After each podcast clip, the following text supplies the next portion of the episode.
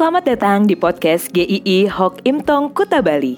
Penginjil Ray Reginaldi akan membagikan renungan harian singkat untuk membawa Anda mengenal dan menyembah Tuhan Yesus, bertumbuh dan menjadi murid Kristus, serta berdampak untuk banyak orang. Jika Anda merasa diberkati melalui renungan ini, silahkan bagikan podcast ini agar orang lain juga diberkati. Inilah renungan hari ini.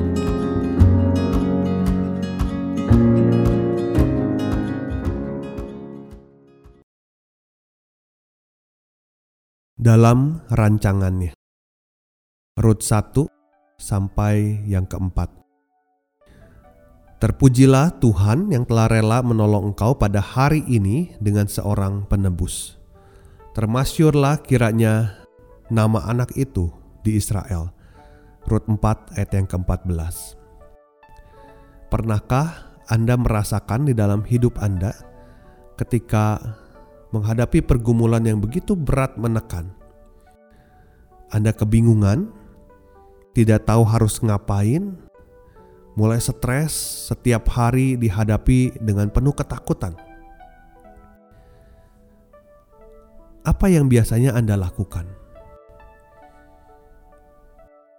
Di dalam kisah Ruth, kita bisa melihat hal serupa, tetapi tidak berujung dengan kesedihan dan keputusasaan. Ada penyertaan Tuhan yang luar biasa bahkan hal yang tidak pernah terduga. Kitab Rut ini terbagi dalam empat episode kalau saya bisa ibaratkan. Episode pertama dimulai dengan kisah yang sangat menyedihkan dan memilukan. Naomi harus kehilangan suaminya, kemudian dia kehilangan kedua anak laki-lakinya di negeri orang. Akhirnya dia memutuskan pulang dan dia memandang hidup ini begitu gelap, begitu menyakitkan, begitu pahit. Bahkan ketika Ruth menantunya memutuskan untuk mengikuti dia pulang ke kampungnya, ke negerinya. Naomi tetap merasa ketika hidupnya sudah kehilangan banyak hal, dia memandang tidak ada masa depan di dalam hidupnya. Tidak ada masa depan juga buat Ruth yang mengikutinya. Lanjut ke episode kedua ketika sudah di Israel dibuka dengan satu keterangan ada seorang yang bernama Boas kerabat dari suaminya yang sudah meninggal itu sebelumnya tidak pernah muncul di dalam kepahitan kegetiran nama ini dalam benak Naomi dan Naomi pun belum menyadari keberadaan Boas sampai Ruth kembali dari ladang barulah Naomi teringat ada Boas kerabatnya Seringkali orang berkata waktu akan menyembuhkan luka kita. Tetapi kalau kita lihat, Tuhanlah yang akan memulihkan luka-luka kita. Di dalam penderitaan, sering kali pikiran kita mentok sana sini. Seperti yang saya katakan di awal, ada orang yang berkata, saya nggak tahu lagi harus berbuat apa. Tetapi firman Tuhan mengatakan tenanglah, Tuhan sudah merancang hidupmu. Seperti kehadiran Boas di dalam hidup Naomi dan Ruth yang tidak pernah terduga oleh Naomi.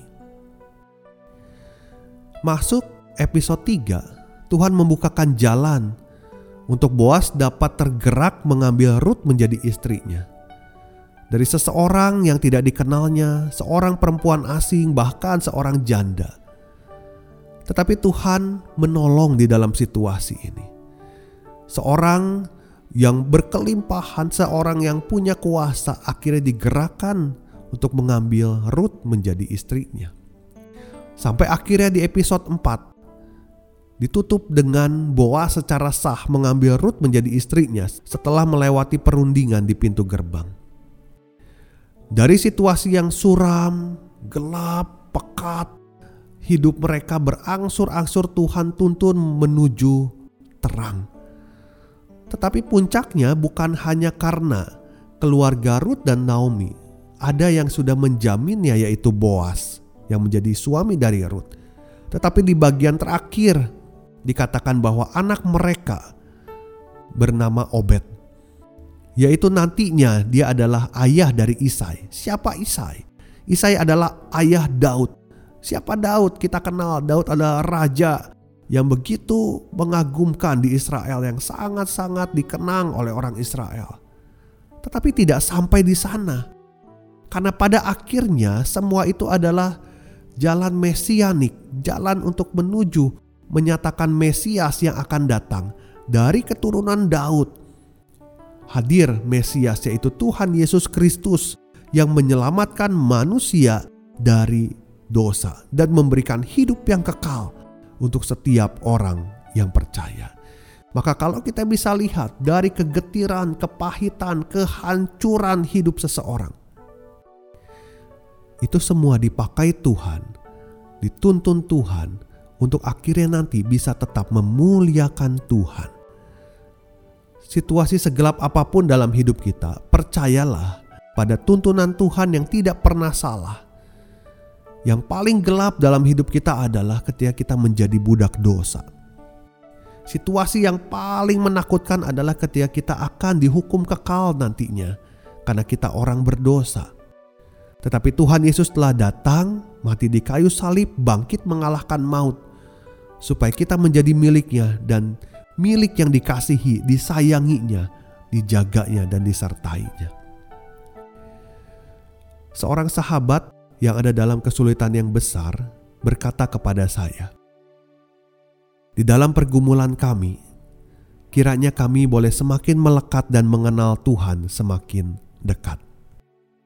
Biarlah di dalam setiap pergumulan yang Anda hadapi hari ini, Anda bisa melihat, mengenal dengan jelas siapa Tuhan yang Anda percaya, dan Anda mempercayai Tuhan, sekalipun Anda tidak tahu jalan di depan seperti apa sekalipun Anda tidak tahu situasi akan berubah seperti apa di depan nanti. Tetapi percaya rancangan Tuhan itu terlalu ajaib. Rancangan Tuhan itu pasti baik. Rancangan Tuhan itu akan membentuk kita semakin mengenal, mengalaminya, dan menjadikan kita menjadi berkat untuk banyak orang. Mari tetap maju bersama di dalam Tuhan, menghadapi semua kepahitan, kesulitan yang Tuhan izinkan dalam hidup kita karena ada rancangan Tuhan di dalam hidup kita. Tuhan memberkati.